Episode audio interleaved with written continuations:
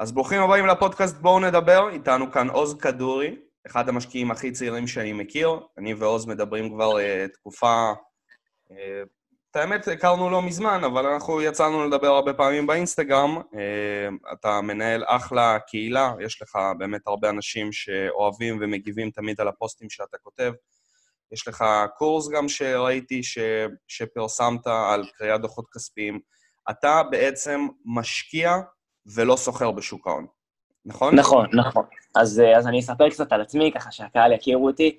אז אהלן, אני עוז, כמו שאיגור אמר, אני מתעסק בשוק ההון האמריקאי והישראלי כבר שלוש שנים, ובתכלס אני מנהל כרגע קהילה די גדולה של בסביבות הפלוס אלפיים איש בעמוד שלנו. אני משתדל להעביר כמה שיותר תוכן וערך לקהל, להסביר לאנשים מה זה שוק ההון, להסביר מושגים בסיסיים, ולמי שרוצה להתעמק גם, כמו שאמרת, יש לי קורס מקיף לגמרי, שבעצם בנוי להעביר אותך מ-0 ל-100 בשוק ההון, אבל לא באנו לשווק, באנו לתת ערך. אני חייב לציין שאני פתחתי בזה שאמרתי שאתה משקיע צעיר, אז אתה בן 17 ואתה מתעסק בשוק ההון בשלוש שנים האחרונות, שזה כל הכבוד לך, וזה בדיוק הזמן כדי להתנסות ולחוות כמה שיותר, כדי להגיע לגיל מבוגר יותר בזה שיש לך הרבה מאוד ניסיון. אז איך התחלת? אז אה, וואו, האמת שזה די סיפור מצחיק, כי אני פעם ראשונה שמעתי על שוק ההון, מניח כמו רוב האנשים, בחדשות, עדיין ילד, ולא היה לי מושג על מה מדברים איתי, בעיקרון כמו רוב האוכלוסייה באופן כללי. אבל אז הסתקרנתי מכל העניין הזה של שוק ההון, מהמילים הגדולות האלה. כי תמיד הייתי בחור סקרן, והתחלתי לחפש בגוגל כל מיני מושגים כאלה. ואז הבנתי, אחרי קצת מחקר, שבתכלס מה שמניע את כל העולם זה שוק ההון וכלכלה. אז ראיתי שאני גם ממש אוהב את זה, התאהבתי בקונספט הזה שנקרא שוק ההון, ואז גם גיליתי שאני טוב בזה. ואז הצלחתי גם uh, לשפר קצת את שיטת השקעות הערך כדי לגרוף תשואה שיותר מתאימה לי, ו... ובעצם בפחות סיכון, וממש uh, ממש מדהים. פשוט אוהב את התחום הזה. ההשקעות שלך הן לטווח ארוך בלבד, או שיש גם uh, השקעות שהן נגיד לחודש, חודשיים? לא, לא, אני, אני פחות מתעסק ל... אני פחות מתעסק בסווינג, יותר בהשקעות ארוכות טווח. שוב, כמובן, הפוזיציה גם יכולה להיגמר אחרי שנה, זה קרה לי כמה פעמים, אה, אבל בעיקרון אני נכנס עם מנטליות ארוכת טווח. ואחרי שלמדת, איך למדת את התחום הזה? אז אה, סבבה, אז בעיקרון למדתי אה, אלפי שעות על יוטיוב ו- ותכנים, כי בתכלס כל ה... לפני שלוש שנים התחום הזה של הדיגיטל עדיין לא נכנס, ולא היה איך ללמוד את זה באופן, אה, באופן מסודר ובמחיר נגיש. כל מה שהיה זה רק קורסים של מכללות שעלו עשרות אלפי שקלים. אז הייתי חייב בעצם ללמוד מהיוטיוב, שכמו שבטח אתם יודעים, זה תהליך לא יעיל ומאוד מסורבל. אז, אה, אז עשיתי גם הרבה טעויות בדרך בעקבות זה, אבל בעיקרון, רוב הלמידה שלי התבצעה מהיוטיוב ומסיכומים של תארים בחשבונאות שהצלחתי להשיג. עכשיו, אמרת שאבא שלך, בשיחה שקיימנו לפני זה, לפני שנפגשנו, אמרת שאבא שלך רואה חשבון, נכון? כן, אנחנו בעיקרון באים ממשפחה של רואי חשבון, יש לנו גם משרד אה, וזה. אז ככה, בעניין של דוחות כספיים ספציפית, היה לי קצת פוש. וידע נוסף שאפשר להביא לתלמידים, נגיד, או לאנשים שעוקבים אחרי הערוץ, מקומות שאתה ממליץ לעקוב אחריהם, או אנשים שאתה ממליץ לעקוב אחריהם, שיעזרו לך לפתח את הידע? אמ, את האמת שיש משקיע אחד אה, שמצלם את עצמו ביוטיוב, קוראים לו סוון קרלין, הוא נכנס ממש עם מנטליות של השקעות ערך מדהימה, והוא מנתח כל מיני מצבים, לדעתי הוא מעלה איזה שתיים, שלוש סרטונים בשבוע, והוא ממש, ממנו צברתי הרבה מהמנטליות של, אה, של שוק ההון. הוא באמת בחור, אה, בחור מדהים. אז איך אפשר, נגיד, האנשים שמקשיבים לנו, איך אפשר להתחיל להיכנס לעולם הזה? במיוחד עכשיו, נגיד, בתקופה של הסגרים, ואנשים לא יודעים מה יקרה עם העבודה שלהם ודברים כאלה, וזה נגיד, אה, כמו שאמרת גם בהתחלה, כל הכסף בעולם נמצא פה.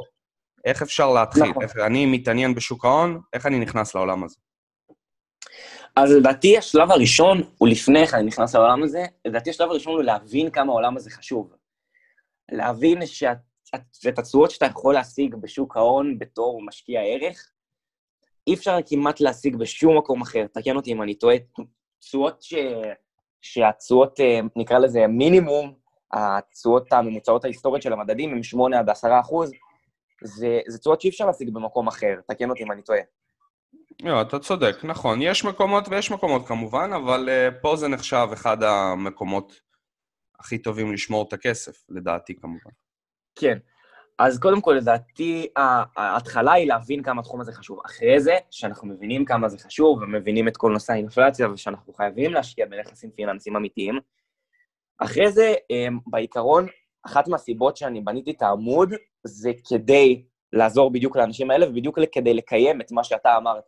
אז לדוגמה, לפחות רק אצלי בעמוד, יש 150 פוסטים שמסבירים בסיס בשוק ההון, כל פוסט כזה זה מושג קצר ונושא בשוק ההון שאני מנסה להעביר בפוסט, ויש גם קורס, אה, יש לי קורס חינמי של 26 עמודי PDF, שגם מסביר בסיס, ויש גם אה, כל מיני קבוצות וואטסאפ, ויש גם את העמוד שלך, איגור, שיש שם בסיס מדהים לשוק ההון והרבה רעיונות כאלה, אמ, שזה גם מבורך, ויש המון המון חומר, את האמת. נגיד, זה, זה, אני פשוט מופתע, נגיד, מהגיל הצעיר, אתה יודע, זה, זה... כל אחד מתחיל באיזשהו גיל מסוים, נגיד, לרוב אנשים נכנסים לתחום הזה אחרי, אחרי שהם, אחרי האוניברסיטה או אחרי דברים כאלה, אמ, ואני תמיד מופתע ואני תמיד אוהב, אתה יודע, להכיר עוד אנשים, במיוחד בגיל צעיר, שנמצאים בתחום הזה, איפה אתה רואה את עצמך עוד 5-10 שנים מעכשיו? שאתה, זה עדיין גיל 25, 27. כן. אמ, יש, יש הרבה תוכניות, יש, יש הרבה תוכניות ארוכות טווח. בעיקרון אני, אני רוצה להמשיך להתעסק תחת המטריה הזאת של שוק ההון, וככל הנראה להמשיך ללמד ולהשפיע על כמה שיותר אנשים, ווואו, אלוהים יודע איפה אני עוד עשר שנים. שנייה, יש, אתה מתגייס לצבא עוד שנה הבאה, נכון? כן, אז יש לי איזה סיפור רפואי שכנראה בגללו לא מגייסים אותי, אבל אני כנראה בכל מקרה הולך להתנדב, אבל, אה, אבל כן, בעיקרון כן. אוקיי, בוא נדבר טיפה על מושגים, אם אתה יכול להסביר לקהל, נגיד, מה זה מניה. אה, באהבה. אמ, אז בעיקרון, אמ, מושג הבסיס שכולנו מתעסקים בו אה, בשוק ההון, ותכף גם צריך להסביר, לדעתי, גם מה זה שוק ההון, לאנשים שלא יודעים בכלל מה זה שוק ההון. אמ, אז מניה זה סך הכל חלק מבעלות, זאת אומרת בעלות חלקית, על איזושהי חברה. זה יכול, זה לאו דווקא חייב להיות בשוק ההון, גם בחברות פרטיות, שזה סך הכל מסמך, מסמך משפטי, יש מניות, וזה סך הכל אומר בעלות חלקית על חברה, אחוז בעלות מסוים על חברה. בשוק ההון ספציפית, מה שקורה זה שאנחנו יכולים לסחור באותן מניות. מתבצע פעולת מסחר באמצעות הציבור, וגם מזה השם חברה ציבורית, באותן מניות, אמ, ושוק ההון עצמו, אני אוהב לחשוב עליו כמו שוק של ירקות, פשוט לא עם צעקות ועם ירקות, אלא בדיגיטל, זאת אומרת עם מספרים, אמ, והכול עם מניות ומכשירים פיננסיים שונים. אז זה ככה הסבר זריז וקצר למושגי הבסיס. אתה, אתה משקיע במניות, או שאתה אוהב להסתכל על תעודות סל או נגזרים כאלו ואחרים? אז uh, בעיקרון, בתחילת דרכי התעסקתי במניות ונגזרים, היום אני יותר משתמש בנגזרים uh, בתור גידור, ו, ואני משקיע בחברות, כן. על סמך מה אתה מחפש חברה כדי להכניס אותה לתיק שלך? אז אני מחפש, uh, קודם כל אני מתחיל uh, ב baseline של uh, יחסי יעילות מסוימים ש, שהגדרתי לעצמי. זאת אומרת שאולי רווח גבוהים מאחוז מסוים, תשואה על הון מסוימת. אה, אני, אני, כן, כמובן, אני מדבר כרגע על צד של השקעות ערך, לא על צד של uh, צמיחה. אז, uh, אז כשאני מסתכל על חברות ערך, שזה דרך אגב גם הצד האהוב עליי יותר במחקר לגבי מניות, אז, uh, אז באמת אני יוצא מתוך יחסי יעילות מסוימים, ואחרי זה אני גם מסתכל על מכפילי תמחור uh, מסוימים, כמו מכפיל הון, מכפיל רווח וכו'. איך אתה מגדיר, איך אתה מגדיר חברת ערך? איך אני מגדיר חברת ערך? אני מגדיר חברה שאני באמת יכול לקנות שקל בחצי שקל. זאת אומרת, מעצם היותה קיימת כרגע, אני אתן דוגמה הכי קלה, אמ, ההון העצמי של החברה יותר גבוה משווי השוק, שזה מצב שקורה בדרך כלל כשהשוק או לא מאמין אה, לנתונים החשבונאיים שהחברה אה, מספקת, אם זה לדוגמה אה, חברה קמעונאית שרוב ההון העצמי שלה הוא מלאי, סתם אני אתן דוגמה, ו, וזה יכול להיות גם uh, חברה שהשוק חושב שההון העצמי שלה ירד, אבל אם אני חושב שההון העצמי של החברה לא ירד, אז אני מצאתי פה דיל שאני יכול בעצם לקנות שקל בחצי שקל. כי אני קונה הון עצמי, לדוגמה, של 100 שקל, בשווי שוק של 50 שקל. וזה מצב שקרה המון בקורונה וגם קורה עכשיו. מתי אתה חושב שזה הזמן הנכון למכור מניה? אמ, סבבה. אז אני uh, טיפה פחות, uh, נקרא לזה קיצוני מאורן באפט, שהוא אומר, מבחינתי אני hold forever, uh, מחזיק מניה לעד. אני בעיקרון אוהב להסתכל על הסייקל של המחיר מול ערך, וברגע בעצם שאני רואה שהמחיר יותר מדי uh, אופטימי, ואני רואה לדוגמה כבר שהערכת השווי שלי לגבי המניה היא כבר, uh, כבר הרבה מתחת לשווי השוק, אז כנראה שאני אמכור בחלקים, אני אתחיל אה, לעשות uh, מכירת פוזיציה בחלקים. אז באמת זה עניין של, של מחיר מול ערך, כמו, כמו הכל בחיים. זה מה אני נותן מול מה אני מקבל. אז ברגע שאני רואה שהמחיר גבוה מדי לעומת הערך שאני רואה, אז אני שמח למכור. אוקיי. Okay. הכותרת שלנו, כמו שנפגשנו ודיברנו עליה, הכותרת שתהיה לפרק הזה תהיה התנהלות ומנטליות נכונה בשוק ההון. מה. לדעתך היא מנטליות נכונה? אז לדעתי המנטליות הנכונה היא באמת הסתכלות ארוכת טווח אה, בשוק ההון, והתעלמות, לא מוחלטת, אבל התעלמות מסוימת מתזוזות המחיר והתנודתיות הרגעית, או היומית או החודשית שיש בשוק ההון. ו- ואני אסביר את עצמי, כי בשוק ההון אנחנו כל היום חשופים לתזוזות מחיר אה, קצ- קצרות טווח. אה, כל, כל הזמן אנחנו מופצצים במידע מהרשתות, אה, זה עולה ככה, זה יורד ככה, ומאוד מאוד קל להיות מוסך דעת, בעיקר למי שעדיין לא ספץ בנושא שוק ההון, מאוד קל להיות מוסך דעת מכל התזוזות האלה. מאוד קל לחשוב שבגלל שמניה עולה, אז אני אקנה אותה, ומאוד קל לחשוב שבגלל שהיא תרד, אז אוי ואבוי, אני אמכור אותה. ומי שמתעסק בשוק ההון חייב להבין שתזוזות המחיר האלה, אה, בעצם כמו שתיאר את זה בנג'מין גרהאם עם. עם Mr. Market, למי שלא יודע, זה דרך לתאר את, את התנהלות שוק ההון בתור אה, היותו לא רציונלי ו, ומגיב ב over ריאקציה לכל דבר. אז, אז חשוב להבין שזאת המחיר זה לא מה שמשנה, ומה שאכפת לי זה מה, מהעסק עצמו שאני מחזיק. כי בסופו של יום, כשאתה קונה מניה, אתה קונה בעלות חלקית על חברה, ואני מסתכל על זה כאילו אני קניתי את החברה כולה. אז, אז אם קניתי את החברה כולה, תזוזות מחיר קיצורות הטווח לא אמורות לעניין אותי, אני קניתי עסק שאני מעוניין להחזיק אותו לטווח הארוך. אני חייב לציין שבערוץ שלי אנחנו מתעסקים בכל הנושאים, שזה גם מסחר, גם השקעות, ו... ומדברים בכללי על כסף ועל איך להתנהל נכון עם כל הדברים האלה. ואני מנסה להביא הרבה סוגים של אנשים לערוץ, כדי שכל אחד ידע, פשוט שכל אחד יבחר את מה שטוב לו. זה, זאת המטרה של הערוץ שלי. יש משפט יפה שאתמול ראיתי של אה, הסולידית, אתה בטח מכיר, נכון? כן. אז היא אמרה שבמיוחד עכשיו, בשבועיים האחרונים שאנחנו חווים ירידות, אה, זה לא כיף לראות את תיק ההשקעות שלנו צולל, אבל חשוב מאוד לזכור שמחירי השוק משקפים לכל היותר את מה שהשוק מוכן לשלם לכם. תרומת הניירות שלכם אם תמכרו באותו רגע. אם אין לכם כוונה למכור את הניירות באותו רגע, מחר או עוד שבוע, חודש, אז מה שקורה בשוק זה רק רעש. אתה מסכים עם המשפט הזה? כן, כן, לגמרי, לגמרי. לגמרי. הוא, הוא, הוא בעצם לאנשים שלא מתעסקים בשוק ההון הרבה זמן, ולדעתי כמעט כל בן אדם שמתחיל להתעסק בשוק ההון אה, בתור מתחיל, מאוד, מאוד קשה מנטלית להתעלם מהרעשים האלה, כי אתה שומע כל מיני מושגים כמו תיאוריית השוק היעיל, ומתחילות, הדעת שלך מתחילה להיות מוסחת לתזוזות המחיר עצמן. ואתה אומר, וואו, אני חושב ככה, וכל השוק חושב ככה, אז מי אני שאני אוכל אה, להגיד שאני חושב ככה, וזה, שזה שווה X, אבל השוק וכל שאר העולם נותן לזה Y. אז אה, זו מנטליות שמאוד מאוד, בהתחלה לפחות לי היה קשה להתמודד איתה, ו- ועם הזמן, באמת עם הניסיון, אני uh, צריכה, הצלחתי להעמיק את המנטליות שלי למנטליות מאוד נכונה, לפי דעתי, להתעסקות בשוק ההון. איך הגעת למצב הזה?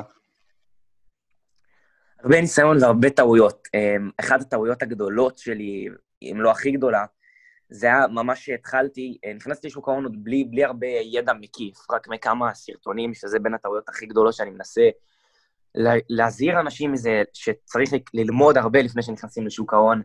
אמ, ואני נכנסתי כמעט בפיק של בועת הקנאביס, ואני הפסדתי עשרות אחוזים על הכסף שלי. למזלי, אה, אני נכנסתי עם אחוז קטן מהתיק, אז, אה, אז ככה ש, שזה לא היה מורגש כל כך, זה לא שהפסדתי עשרות אחוזים על התיק, אבל עדיין זה היה הפסד מאוד מאוד צורם, במיוחד שכל השוק עלה, ואתה רואה את ההשקעות שלך יורדות, ו- ואמרתי לעצמי, וואו, אני צריך, חייב להבין מה קרה פה. אתה היית ממליץ לאנשים שמתחילים להתחיל מסרטוני יוטיוב או מספרים? Um, הייתי, הייתי ממליץ להתחיל מ... מסרטוני יוטיוב בתור התחלה, אבל שוב, אני, אני, פשוט קשה לי להתעלם מזה, כי אני באמת, בגלל המסע שאני עברתי והדרך המסורבלת וההפסדים שאני עברתי, במיוחד בגלל זה אני בניתי את הקהילה שנותנת המון המון תוכן חינמי לאנשים המתחילים. אז מבחינתי ההמלצה שלי תהיה לבן אדם ש, שאפילו לא יודע מה זה שוק ההון, ללכת לעמוד שלי, לגלול לפוסט הראשון ולהתחיל לקרוא. ואז משם, שיש לו כבר בסיס יותר רחב, הוא יוכל להיכנס ליוטיוב, כי לדוגמה, אם הוא נכנס לסרטון הלא נכון ליוטיוב, ברגע הראשון שלו, הוא לא, הוא לא יודע מה זה שוק ההון, הוא לא יודע מה זה מניה, הוא לא יודע מה זה מדד, ואז התחילו לדבר איתו כבר על איך בוחר תעודת צה"ל, אם הוא נכנס לסרטון הלא נכון. ואז בן אדם גם יכול לקבל אנטי לכל הנושא הזה של שוק ההון, ולהגיד, טוב, אני לא מבין בזה, ולעזוב. אז במיוחד בגלל זה, לדעתי, חשוב להתחיל במקום שמעביר את כל הידע מאפס. חשוב לי גם לציין שאנשים חושבים, נגיד, יש הרבה אנשים גם שמוכרים קורס של תקנו את הקורס הזה ותתחילו לעשות כסף. אז אין דבר כזה כסף קל בשוק ההון. חשוב מאוד ללמוד ולהתנסות כדי להגיע לדרך שלכם ולמצוא את הדרך שלכם כדי להצליח. ותמיד צריך לזכור, יש משפט שאני מאוד אוהב, שזה לא ריצת 100 מטר, זה מרתון. לגמרי. לגמרי, לגמרי. הרבה מהתגובות שאני מקבל, אה, זה אנשים ש, שרוצים לעשות כסף קל, ולהם אני פשוט מפנה אותם אה, שילמדו מסוחרים, ושיעשו את המסוחרים אחרים. פשוט, אני לא מלמד לעשות כסף קל, אני מלמד ידע. כן, שוב, אני מדבר באופן אישי, כי אני פשוט חווה את זה על, על בשרי ברגעים אלו. אה, אני, אני מלמד ידע שלוקח אותך לרמה של משקיע בשוק ההון, רמה מאוד גבוהה, אבל מפה והלאה אתה חייב לקחת את הניסיון שלך, אתה חייב לקחת את המחקר שלך, אתה חייב לחזור על החומר הזה עוד הרבה פעמים, ו- ואין דבר כזה כסף קל. אין דבר כזה כסף קל בכלל. עם איזה תוכנת מסחר אתה משקיע, נגיד? עם, עם איזה תוכנה אתה משתמש? אז, אה, אז אני באופן אישי, שוב, בגלל שאם כבר דיברנו על אבא שלי בהתחלה, אז אה, בגלל שהוא חשבון, באמת יש לו את כל ה... את כל העניין הזה עם, עם חברת אה, ראיית חשבון, אז הוא הצליח להשיג עמלות נורא נוחות דרך הבנק, אז פשוט, אז פשוט נשארנו שם, דרך הבנק. Okay. אוקיי. אבל שוב, זה לא קורה בדרך כלל שמשיגים עמלות נורא נמוכות דרך הבנק, אז אה, ההמלצה הכללית תלך להיות לברוקר, ללכת לברוקר. אוקיי. Okay. בידיעה הזאת, מי שמכיר את הערוץ, אז יודע שאני אה, משתמש ב Interactive Brokers, אז מי שירצה לפתוח בהמשך חשבון, אז מוזמן לשלוח לי הודעה. אה, וגם אתם תמיד מוזמנים לשאול אה, מה שאתם רוצים. אני, הרבה אנשים אה, שולחים לי הודעות באינסטגרם, אני עונה לכולם. כל שאלה שיש לכם, או איזשהו נושא שאתם רוצים שנדבר עליו, פשוט תשלחו לנו הודעות, ואנחנו נדאג לעשות פרק על, על הדבר הזה. כן, לגמרי, באהבה, ברור. אנחנו... אנחנו פה בסופו של יום כדי לעזור לאנשים. מצוין. נכון, נכון, זאת הגישה. עכשיו, אני שאלתי, ביקשתי ממך לפרסם אתמול סטורי באינסטגרם כדי לראות מה הקהל רוצה. יש לך איזה כמה שאלות מעניינות ששאלו אותך ואתה חושב שצריך לציין אותן? אמ, כן, האמת ששאלו אותי שאלה אחת שמאוד אה, מאוד קרצה לי לעין, ועוד שאלה שהייתי ממליץ להימנע ממנה לגמרי. אמ, אז שאלה אחת הייתה באמת שאלה נכונה. שאלו לגבי המצב הפיננסי של ישראל אה, טרום הכניסה למשבר הקורונה, ושאלו אותי אם בזכות אה, כל מיני, לדוגמה, יחס החוב תוצר הנמוך שהיה במדינת ישראל, או הרזרבות שיש לה, האם זה יעזור לה להימנע ממשבר כלכלי בממדים, אה, לדוגמה, של 2008 באמריקה. אז, אז אני אשמח קודם כל לשמוע את דעתך לגבי זה, איגור, ואחרי זה אני גם אגיד את הטייק שלי בנושא. אני חושב שהרבה מהמקרים שאנחנו רואים, ת, תמיד יש פאניקה בשווקים. כל, כל שנה בסופו של דבר אנחנו נראה ירידות כאלו או אחרות בשוק, אבל אם הגישה שלכם זה השקעות, בסופו של דבר, ואתם יודעים שקניתם את החברה, ואתם יודעים שבדקתם את החברה ואתם סומכים על המוצר של החברה, אז כמו שאמרתי גם בהתחלה, כל ירידות, כל ירידה שאתם רואים זה בסופו של דבר רעש. או אם אתם כל כך אוהבים את החברה ואתם סומכים עליה לטווח ארוך, אז זה הזמן להוסיף גם. כן, כן, לגמרי. אמ, ומבחינת ה, השאלה שלו, אז אני אתן את הטייק שלי לגבי זה, זה שבאמת ישראל, אנחנו נכנסנו עם יחס חוב תוצר אה, מאוד נמוך, שמאפשר לנו, אה, למדינה בעצם, לקחת אה, עוד חוב, נכנסנו גם עם דירוג אשראי אה, יחסית גבוה. כלומר, נכנסנו במקום, מבחינת יציבות פיננסית של, אה, ברמת מקרו, ברמת מקרו כלכלה, ברמת מדינה, נכנסנו במקום מאוד טוב, נכנסנו במצב מאוד מאוד טוב למשבר הזה, בפן הכלכלי.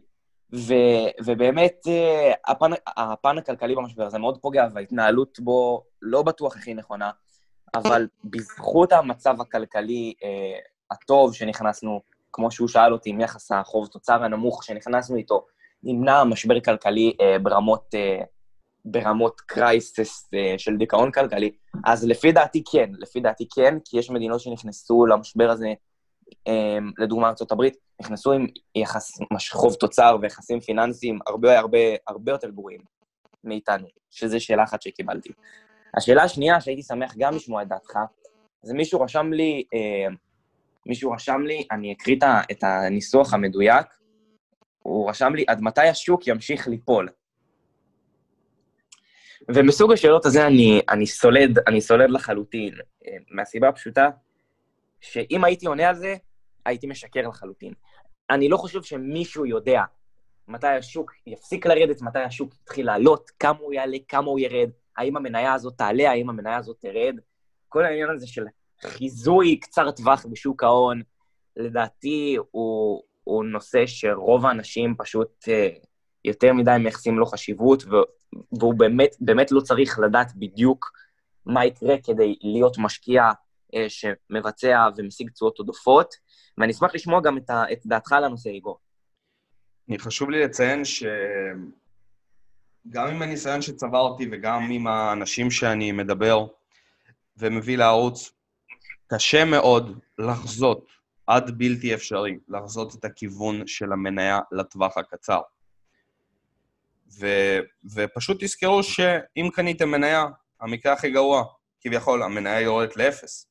המקרה הכי טוב, המניה צומחת ב, אה, באלפי אחוזים. אז הכי חשוב לעשות את המחקר שלכם ופשוט לעבוד עם תוכנית. זה, זאת, זאת, זה מה שאני אומר גם לתלמידים שלי בסופו של דבר. תוכנית. אני נכנסתי עם תוכנית, ואני פועל לפי התוכנית שלי. ואני מנסה לא להסתכל, לא לבזול לצדדים. כי תמיד יכול לקרות משהו שפתאום אני רואה, איזה, המניה הזאת שהסתכלתי עליה קפצה היום 10% נגיד, או דברים כאלה. אז אני לא פוזל לצדדים. אני נכנסתי, אני בדקתי, אני עשיתי את המחקר שלי, ואני קניתי את המניה, ופשוט הצבתי, נגיד, יש אנשים שנכנסים עם סטופ-לוסים וטייק פרופיטים, נגיד, ואתה פועל עם תוכנית, וזהו. לא פוזל לצדדים. זה מה שהכי חשוב. ככל שאתה מתחיל לפזול יותר לצדדים, אתה, זה, זה יקשה עליך.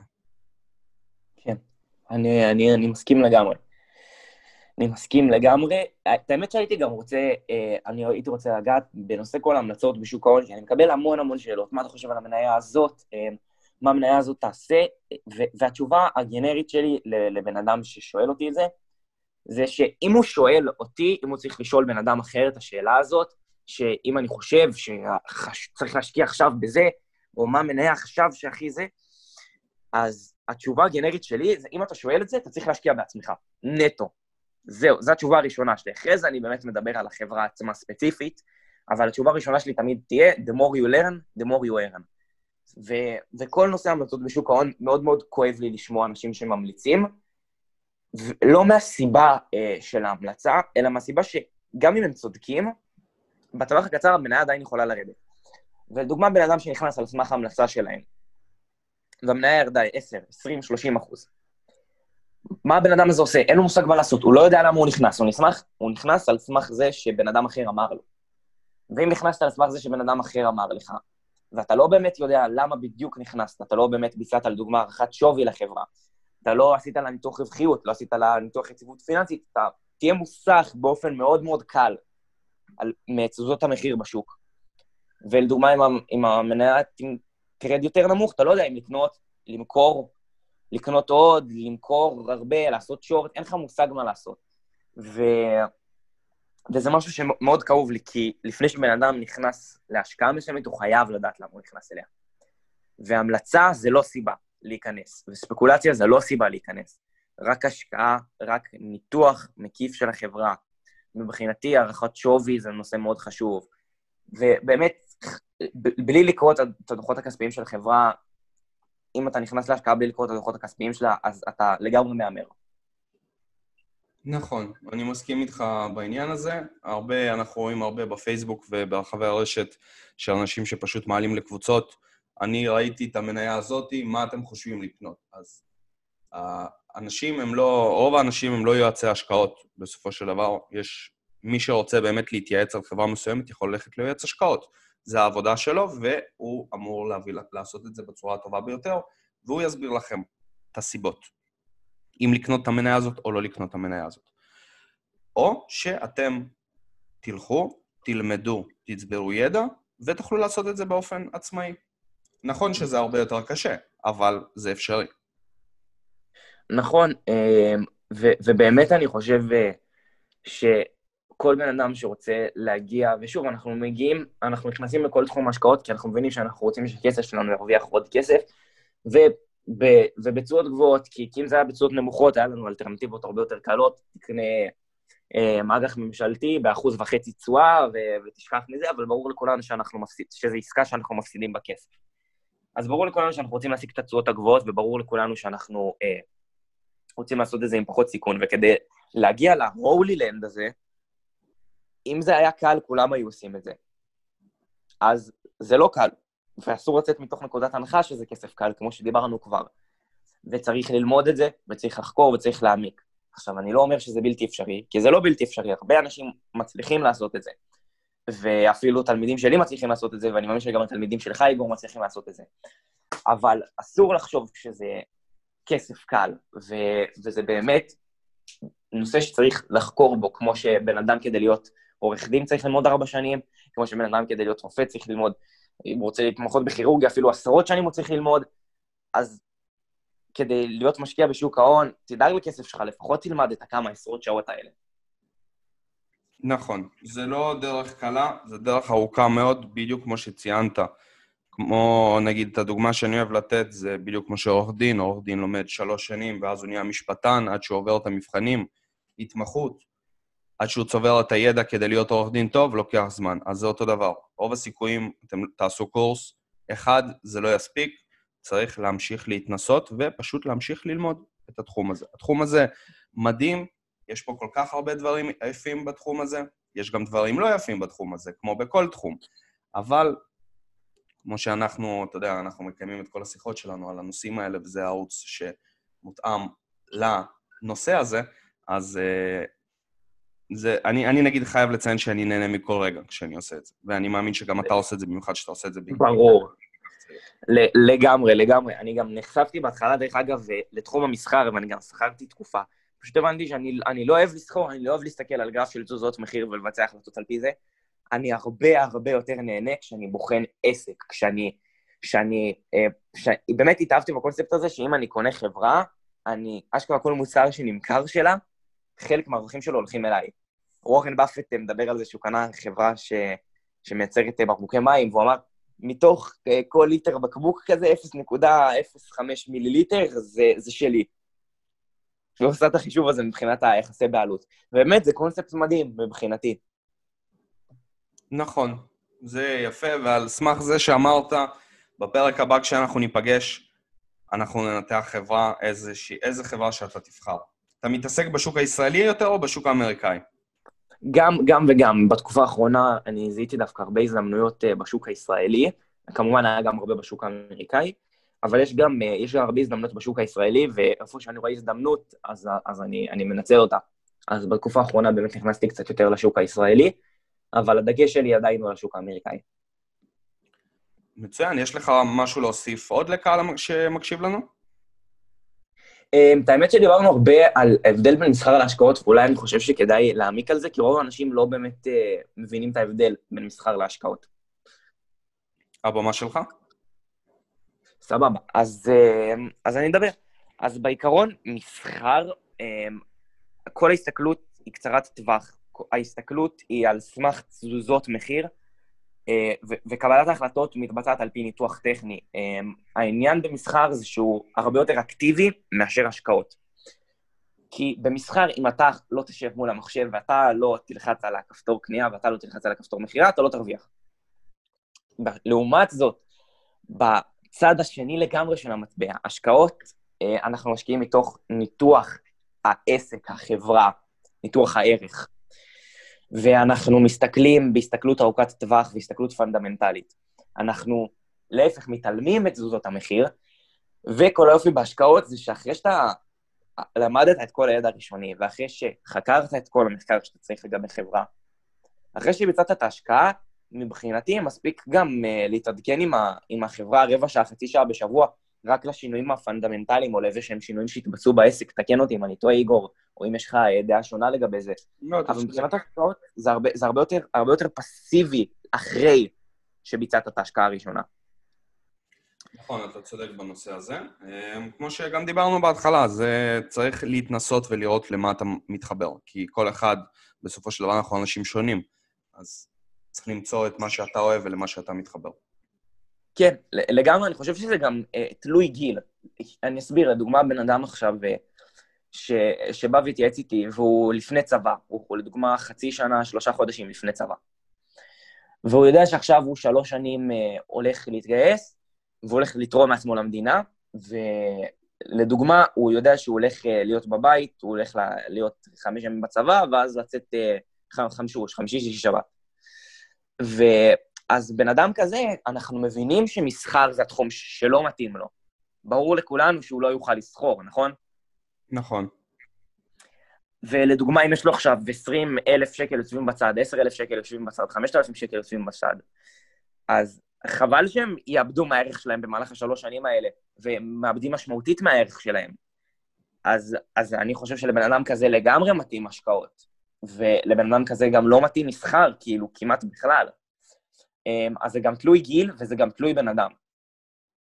וצריך לבחון כל מקרה באופן פרטני, ובאמת גם, גם לראות מה אתה אוהב וגם לראות מה, מה מתאים לך מבחינת הסיטואציה, לדוגמה אתה שכיר, או לדוגמה אתה מנהל עסק. אז מסחר זה תחום הרבה יותר תובעני ואקטיבי מאשר השקעות. אנחנו ניפגש לפרק נוסף, אה, ובפרק הבא אנחנו ננתח חברה, בזמנך הפנוי אתה תבחר על איזושהי טוב, חברה שהם רוצים, מי שבמיוחד הקשיב עד הסוף לפודקאסט, אז שישלח לי הודעה, ואולי אנחנו ננתח את החברה שלו. תודה רבה על הזמן שלך, עוז, ואנחנו נהיה בקשר. באהבה. באהבה, בעזרת השם, ביי ביי.